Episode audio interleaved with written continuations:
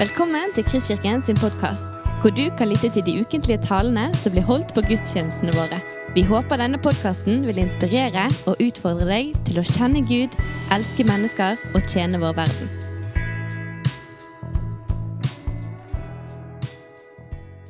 Så skal begynne å stille meg spørsmål. Jeg lurer jo litt på Litt feigt spørsmål er det egentlig.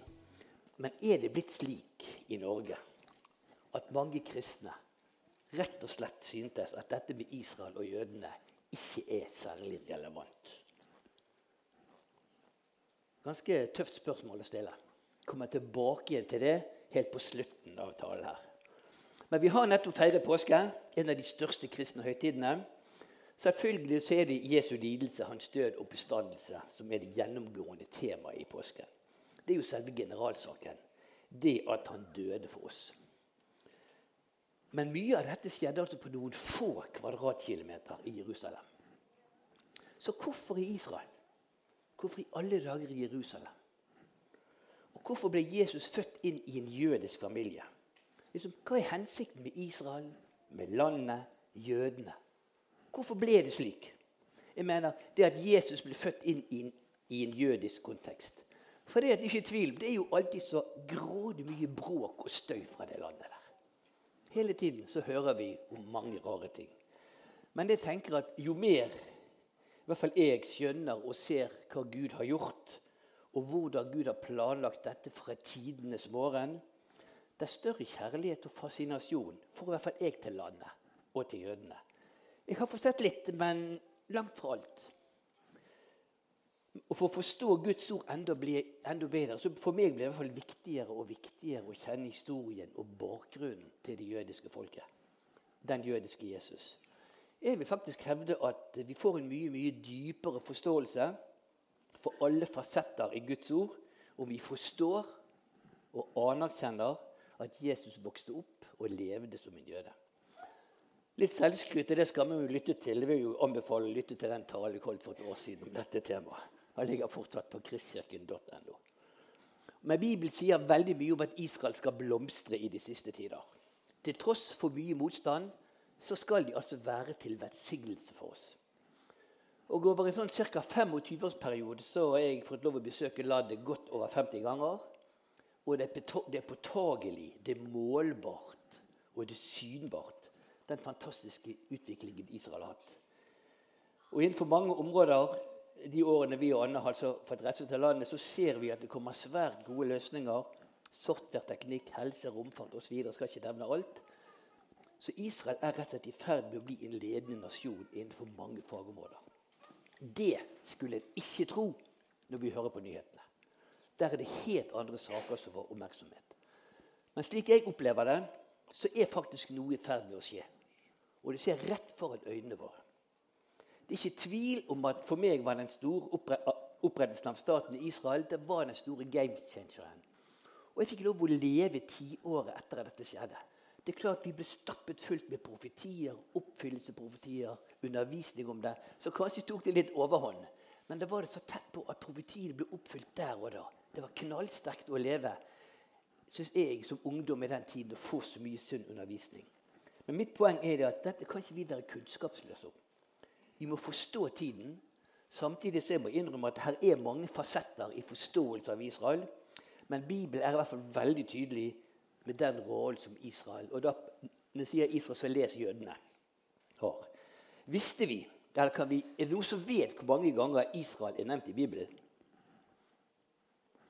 Her er tallet.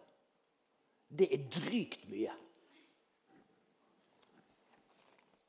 Det er mer enn noe annet navn. Det er bare Gud og Herren som er nevnt oftere. Det er Ikai som har talt, det er ikke meg. Bare sånn at det er sagt. Hvis noen skal har vi talt en gang eller to feil, altså i hvert fall Ikai-referansen. Og Jerusalem den er nevnt over 800 ganger. Så jeg vil påstå at dette er en hovedsak i Bibelen. Det er faktisk ikke mulig å snakke seg forbi det. Og jeg tenker, Er det noe Gud prøver å fortelle oss? Noe vi rett og slett ikke fatter? Noe vi ikke forstår? Siden Jerusalem og Israel er nevnt så ofte. Ja, det kan se slik ut, tenker nå jeg. Det strides om Jerusalem. Men visste vi at et av verdens første eiendomsskjøter nettopp er fra Jerusalem. Fra Sion, fra Morias berg. Og Der leser vi første krønikebok. Der fikk David beskjed om å kjøpe Ornas treskeplass. David kunne jo bare knabbe det, eller erobre det, eller okkupere det. Nei, det var ikke tema. Han fikk beskjed av Gud om å kjøpe det. Da leser vi. Men kong David sa til Ornan, nei, jeg vil kjøpe det til full pris. Jeg vil ikke ta det som er ditt, og gi det til Herren. Jeg vil ikke bære frem brennoffer som de ikke har betalt. David ga Ornan 600 shekel gull etter vekt for stedet. Der bygde David et alter for Herren og bar frem brennoffer og fredsoffer. Han ropte til Herren, og han svarte med ild fra himmelen over brennofferalteret. Det var på dette stedet Abraham skulle ofre Isak. Det var her tempelet ble bygget. Og det var her Jesus døde. Ornans treskeplass. Det er ikke meg som har funnet på dette, det er arkeologene. Så etter at David kjøpte dette stedet, så har faktisk plassen aldri vært til salgs. Men knabbet, erobret, okkupert, ja. Men aldri solgt. Så da kan vi bare undre over den tumleskålen som dette er blitt, og som det er profetert om. Det er Jerusalem som by, Israel som land, jødene som folk. Og Jesu oppvekst så har en særegen stilling gjennom Bibelen. Det tenker jeg det er veldig vanskelig å være uenig om. Og ikke bør det være særlig kontroversielt heller, all den tid det var på disse kvadratkilometerne bibelhistorie i stor grad har funnet sted. Noen kristne ligger nok mer i dette enn andre. Men hvilken rolle jødene har som folk, Israel som land, byen Jerusalem skal spille i endetiden, kan det nok være litt ulikt syn på. Men jeg tror vi kan samles om at jorden som himmelen skaper ikke er ferdig med det folket han har vedkjent seg ved, som vi kan lese i Romerbrevet 11, 1-2. Jeg spør så, har Gud forkastet sitt folk? Slett ikke. For også jeg er israelitt, av Abrahams ett og Benjamins stamme. Gud har ikke forkastet sitt folk, det folket han hadde vedkjent seg. Vet dere ikke hva Skriften sier i fortellingen om Elia, der han anklager Israel ovenfor Gud?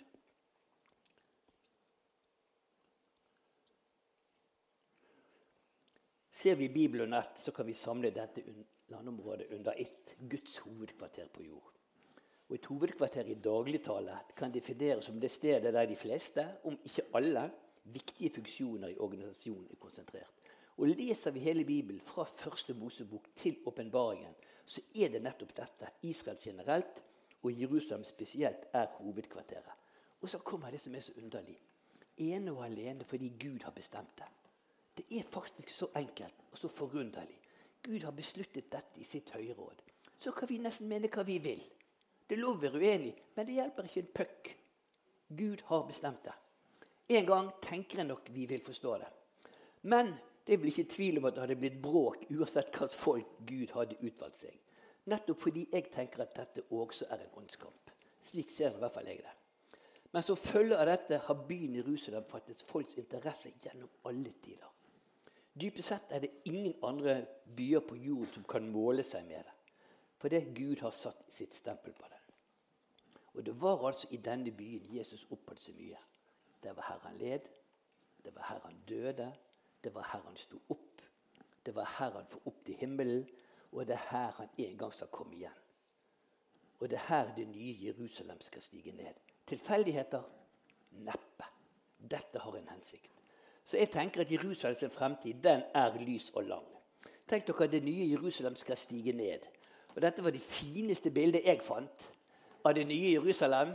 Det var ikke så mange av dem, så jeg hadde ikke mange velge mellom. Det er tatt på Google, bare så det er sagt. Men jeg måtte ta det med. Men jeg tenker folks, dette blir storveis.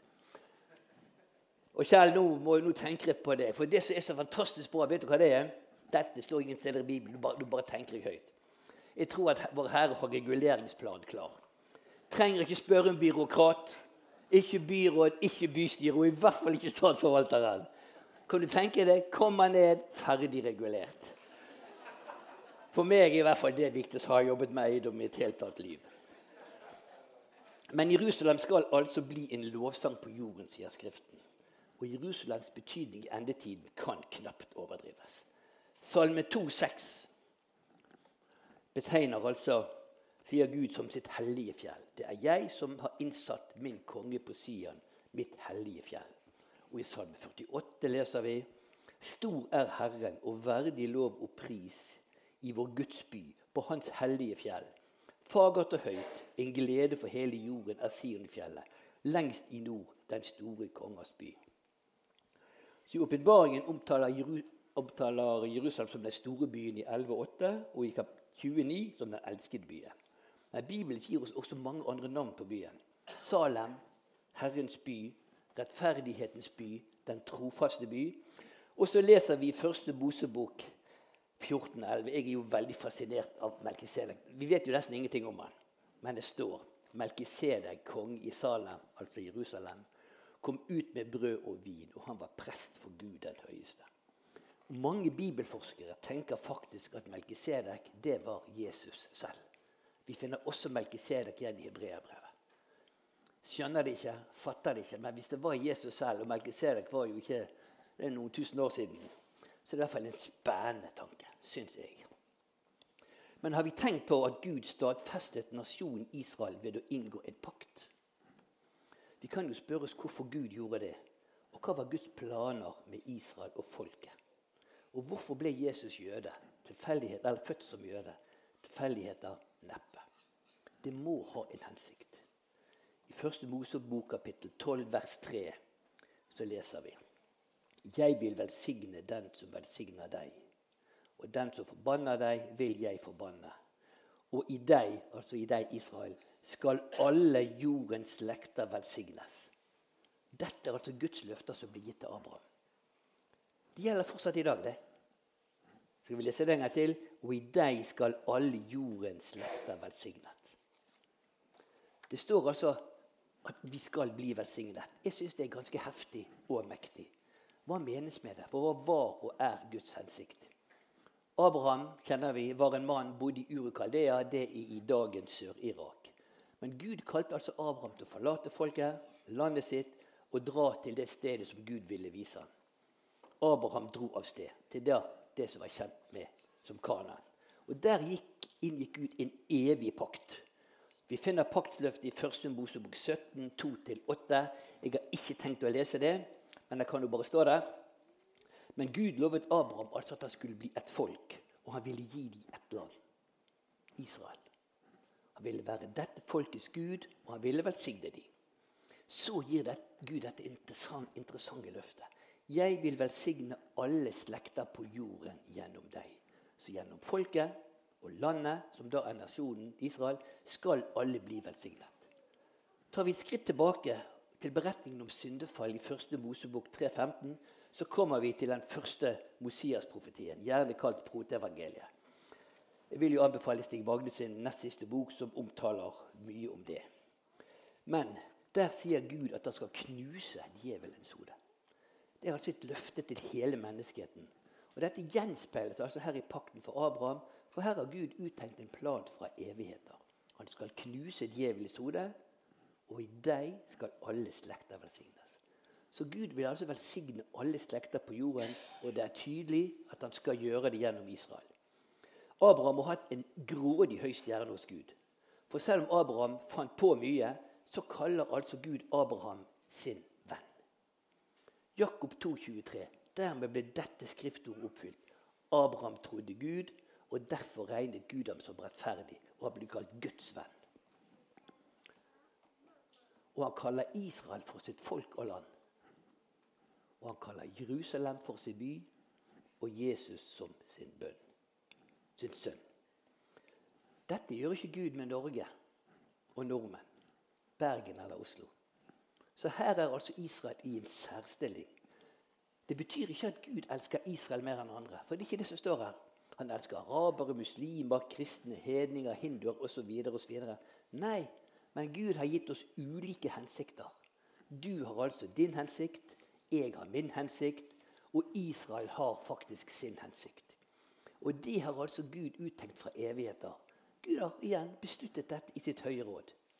Så da Jesus kom som Messias, så var det altså en oppfyllelse av de løfter han gav til Abraham. Det nye testamentet er helt tydelig på at den jødiske Jesus, Guds sønn, er den velsignelsen som Gud ga løfter om i den evige pakt. Første Mosebok 12,3. Så du skal følge litt med det jeg skal si nå. Følg veldig godt med, det må dere alltid for så vidt. Men pakt er ikke et ord vi bruker særlig mye i dag. Men Bibelen omtaler altså åtte store pakter. Noen vil si at noen av disse henger sammen, det er kanskje bare fem eller seks. Men, men det er ikke poenget. Men tre av dem oppretter Herren med hele menneskeheten. Edenpakten, Adamspakten og Noah-pakten. Og de fem andre oppretter han med Israel. Men det som poenget med å ta dette frem, det er at det å studere paktene, hva Gud faktisk gjør i paktene, hvilke egenskaper og karakter Gud har, hvilke løfter han har i paktene, er særdeles interessant. Vi får en utrolig mye dypere kjennskap til Guds ord ved å stupe inn i disse paktene og se hva som står der. Men det får vi komme tilbake igjen hvis tradisjonen sier neste år. Men det nærmeste vi i dag kommer for å forstå en pakt, det må vel være en bindende avtale eller en kontrakt. Og Sånn var det også med den pakten Gud inngikk med Abraham. Det var en avtale mellom to parter. Men det som er veldig spesielt med denne pakten, og det er veldig viktig, også det er viktig å få med seg, det er at denne pakten er det man kaller unilateral. Til vanlig altså har vi bilaterale avtaler mellom to parter, pluss lovverket som ligger på toppen, så begge forplikter seg til å oppfylle kontrakten. Sånn som f.eks. i en ekteskapspakt, der begge parter forplikter seg innenfor Gud, som da er lovverket, til å leve sammen med hverandre til døden skiller oss av. Men i denne pakten her så lot altså Gud det komme søvn over Abraham da pakten ble inngått. Første Mosebok 15,12. Da solen holdt på å gå ned, falt en dyp søvn over Abraham. Og se, redsel og stort mørke falt over han. Vi fortsetter noen vers lenger nede, i 18. Den dagen sluttet Herren en pakt med Abraham og sa:" Din ett gir jeg dette landet, fra Egypterelven helt til storelven Eufrat landet til kenenittene, kensitittene, kadmonittene, hetitittene osv. Jeg leser sikkert feil uansett, så de behøver vi ikke å gjenta her. Men poenget det var bare Gud som var våken og til stede når pakten ble inngått. Altså, Det var bare Gud som var våken. En unilateral avtale. Det innebærer at det er bare Gud som har forpliktet seg til å holde denne pakten. Det er egentlig strålende. For hvis det ikke hadde vært sånn, så hadde det gått oss ille. For både Abraham og israelittene brøt pakten mange ganger. Og hadde pakten vært bilateral, så hadde den faktisk ikke lenger vært gyldig. Men dette er en pakt som Gud har forpliktet seg til å holde. Og Gud er trofast og rettferdig. Kjenner vi igjen tenkningen? For jo dette som vi troende får oppleve hver dag gjennom Jesus sin død og bestandelse. Vi kommer til kort hver dag, men vi vet at den pakten som Gud har inngått med oss, den er evig. Vi skal få lov å komme til Han fordi Han er trofast. Det betyr jo altså at den hensikten og den pakten som Gud har inngått med Abraham, den gjelder faktisk også oss. Vi skulle bli velsignet gjennom jødene, og den velsignelsen, det er Messias. Det er Jesus, vår Jesus, alles venn, alles frelser. Og Da er det spennende å lese i Romerbrevet 11. Da kan vi lese hvordan Paulus forklarer oss hedninger og andre folkeslag som kommer til tro på evangeliet. Han forklarer oss om kvister på ville oliventrær som bærer dårlig frukt. Så kapper Gud av kvistene og poder det inn i et annet tre som bærer god frukt. Og det treet, det er Israel. Og Da har jeg spurt Magnus Vaktskjold, rektor på Stand, sivilagronom. Dette kan han alt om. Han har laget nå en liten to minutter snutt om hvordan pode inn en kvist. Da får vi litt, kanskje dempet litt lys i et halvt minutt hvis det går.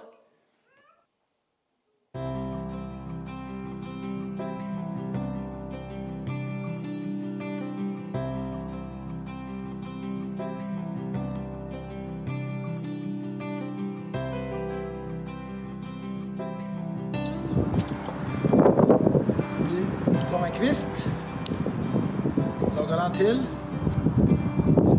Viktig at det blir god kontakt mellom seljedagene. Feller kvisten inn i greinen.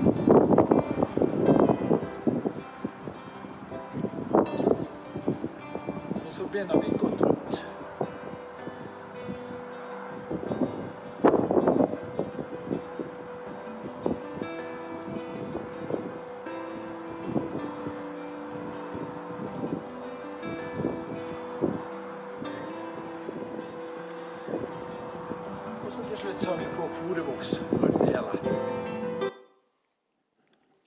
Så lett er det altså å bli podet inn.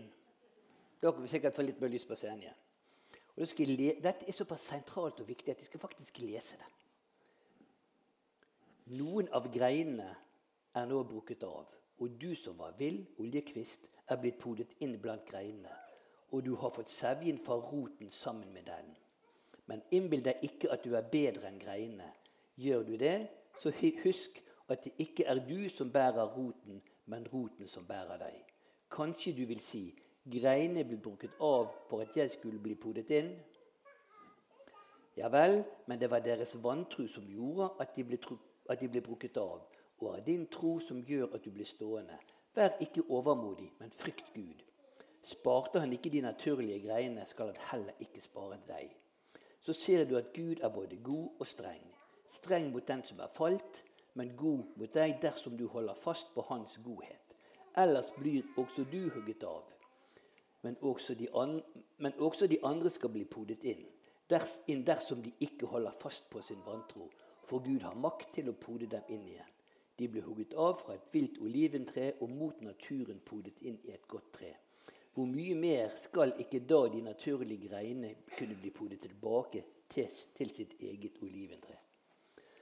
Så jeg tenker dette er et grådig fint bilde.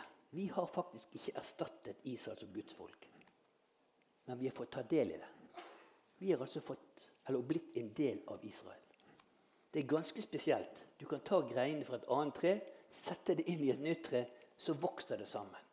Men det er, som vi vet, røttene som bærer treet. Det er stammen som står der, så kan nye greiner komme til. Og treet kan vokse videre sammen. Kan Vokse videre sammen ja. Dette er storveis, spør du meg. Og Bibelen, Bibelen er tydelig på at det er Abraham, Isak og Jakobs Gud som er røttene i treet. Så selv om mye av folket har sviktet, så fortsetter altså dette treet å leve. Folket fortsetter å, treet, folket fortsetter å leve, som er gudsfolket, og det er altså vi hedninger blitt en del av. Så det er bare altså ett gudsfolk på jorden, og det er Guds Israel. Og det er oss. Det er vi som er podet inn. Det er faktisk ikke motsatt. Viktig detalj. Det er vi som er podet inn. Det er Guds Israel, og vi er blitt en del av det. Og vi som har kommet til tro altså på evangeliet, har blitt en del av det. Vi har ikke erstattet det som noen finner på å hevde. Nei, Kirken er blitt en del av gudsfolket som er Israel, og det er en så viktig detalj at den må vi få med oss. Fordi hverdagen både vil og kan dette påvirke oss hvordan vi forholder oss til jødene. For Gud har, som vi har sagt før, ikke forkastet sitt folk. Hvorfor er dette så grådig viktig å forstå? Jeg tenker følgende, og det er selvfølgelig lov å tenke litt annerledes på det. Men alt det som skjer i Israel og landene rundt med bråk og krig og støy, tenker jeg i bunn og grunn er en åndskamp. For det er det Bibelen sier oss. Og Vi kan ikke være likegyldige til det. Dette er for alvorlig. Og Mange har prøvd å utslette Israel og jødene fra jordens overflate. Men de har ikke klart det, og de vil aldri klare det. Men for oss er det nok å tenke på pogromer og på holocaust. Så skjønner vi at dette er kraftige åndsmakter. For tenk dere hvis Israel og jødene hadde blitt utslettet. Tenk den utenkelige tanken. Hva skjer da med treet som vi er podet inn i? Røttene dør. Abraham og Isak og Jakobs tre dør. Og dør jødene, eller blir de utslettet, så kan faktisk ikke Bibels profetier om Jesu gjenkomst oppfylles. Verken mer eller mindre. Det er dramatisk, og det er alvorlig. Dette vet selvfølgelig Satan. Det er ikke rart at det er kamp. Det er alvor. Det er virkelig alvor. Men vi vet også at Satan kommer til å tape, med god margin. Men det betyr, slik jeg ser det, ikke at vi enhver tid skal forsvare det politiske Israel. For det er ikke det dette handler om. Nei, vi ble oppfordret til å be uavlatelig for jødene. Be om fred for Jerusalem. Be om frelse for jødene slik at flere av dem må komme tilbake igjen og inn igjen i Guds opprinnelige hensikt. Dette er alvor. Løftene står fast den dag i dag. Så Gud har altså en hensikt med Israel. Gud hadde en hensikt med Israel fra tidlig morgen om at alle folk skulle få lov å ta del i denne velsignelsen. Velsignelsen det er jo Jesus, den jødiske Jesus. Så historien om Israel som lever i dag, er altså historien om en barmhjertig, og nådefull Gud som griper inn i menneskenes historie. Han er grepet inn i mitt liv, sannsynligvis også i ditt liv. Og Gud grep inn i Abrahams sitt liv, og det ble til et folk. Og alt dette skjedde altså for Gud hadde en hensikt. Han ville redde millioner på millioner av mennesker. Historien er jo ikke ferdig. Den pågår jo fortsatt den dag i dag. Så dersom du har tatt imot Jesus som frelser, er du også blitt en del av den historien som begynte for over 6000 år siden. Nå skal jeg gå mot avrunding her. At de siste tider nærmer seg, ikke det tvil om. Jeg hører jo til de som hevder at vi lever midt i de. Min far, som døde for 40 år siden, han var sikker på at han skulle få oppleve å bli rykket opp i sky. Og Jeg er bare 67 år, så jeg, jeg, min far fikk ikke oppleve det. Men jeg er sikker på at jeg skal få oppleve det. Og mange, ja, det, det, det tuller ikke, altså. Og mange før meg har også vært sikre på det. Men selvfølgelig, det er jo bare Gud som vet. Det blir jo helt håpløst og meningsløst å begynne å prøve å regne det ut. Det oppfordrer oss Bibelen til ikke å gjøre det. Men vi kan likevel med tyngde si, uten å være spekulativ, at det nærmer seg. Det nærmer seg grådig. Og det er til Jerusalem den jødiske Jesus kommer igjen. Men da som kongenes konge og herrenes herre. Begivenhetene nærmer seg, og snart vil altså Davidssønnen åpenbares, den rettmessige eier av Davids trone. Han skal være stor, og han skal kalles den høyeste. Gud Herren skal gi han tronen, og han skal være kong over Jakobs hus til evig tid. og Dette skal vi få være med på. Det skal ikke være ende på hans krone. Lukas 1, på hans trone. Lukas 1,32. Så det er altså ingen andre byer som har så rike løfter og en så strålende framtid som Jerusalem.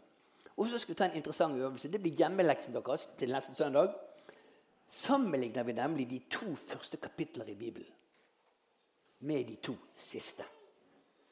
Skapelsen av himmel og jord, skapelsen av den nye Jerusalem og den nye jord, så er det påfallende mange likheter. Gud skapte himmel og jord, skaper det nye Jerusalem. Alt var overmåte godt, eller blir overmåte godt. Gud er nærværende i perfekt hage, med rennende elv. Og livssyns tre finner vi også i det nye Jerusalem. Synd og død er fraværende. Sykdom og lidelse er fraværende. Forbannelse og redsel eksisterer ikke. Oh, godt. Hva du pleier å gjøre, Rolf? Uh, så, så bra er dette her. Det var positivt ment. Så sterkt er det egentlig. Så Gud har en, altså en hensikt med Israel og jødene. Så for å svare mitt spørsmål innledningsvis om Israel og jødene er relevant i dag, så er svaret ja. Det er svært relevant for oss. Fordi de har en meget sentral rolle i de tider som ligger foran oss, og de har hatt en veldig sentral rolle inntil i dag. Så det som skjer i Israel og med jødene, det er faktisk nøkkelen til å forstå tiden vi lever i. Hvor ekstremt viktig det er å nå ut med frelse til jødene. For Gud er ikke ferdig med Israel. Vi synger i brannsangen at Ullevål er vårt evige mål. Og jeg synger jo med på den sangen, for jeg synes den er festlig. men det er jo bare tull. For et evig mål, det er himmelen. Uten tvil. Du kan ha sangen de går frem sammen til Ullevål. Sant? Ja, Vi skal ikke dra den nå, selv om Brann vant i går. Så ja, ting skjer nå så fort at jeg tror virkelig jeg skal få oppleve opprykkelsen. Leser vi profetiene, hva er det som skjer med moder jord, for å bruke det uttrykket, se på verdenssituasjonen, se på alle vekkelsene, alle jødene som kommer til å tro, og det er mange av dem alle muslimene som kommer til å tro. Stig Magne har jo historier herfra til evigheten om alle muslimene som kommer til å tro. Forførelse og forfølgelse. Det er for mange ting som peker at nå drar det seg virkelig til. Men jeg må si jeg gleder meg grådig. Da er det godt egentlig å kunne nå lende seg tilbake. Nå kan du komme opp, Anne. Lende seg tilbake, og skal vi høre litt hva Johannes' åpenbaring Anne skal avslutte med det hva Johannes' åpenbaring sier om det vi skal få oppleve. Det er bare å Nå skulle jeg egentlig slukket lyset, tatt på litt soft musikk og lukket øynene, men jeg anbefaler dere at uh, lukke øynene og bare lytt til det Anne nå skal lese. Og med, når hun er ferdig, så er også jeg ferdig.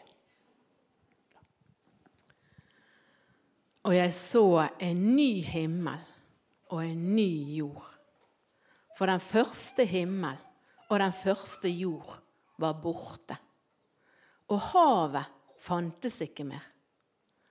Og jeg så den hellige byen, det nye Jerusalem, stige ned fra himmelen, fra Gud. gjort i stand og pyntet som en brud for sin brudgom. Og jeg hørte fra tronen en høy røst som sa, Se, Guds bolig er hos menneskene. Han skal bo hos dem, og de skal være hans folk. Og Gud selv skal være hos dem. Han skal være deres Gud. Han skal tørke bort hver tåre fra deres øyne, og døden skal ikke være mer.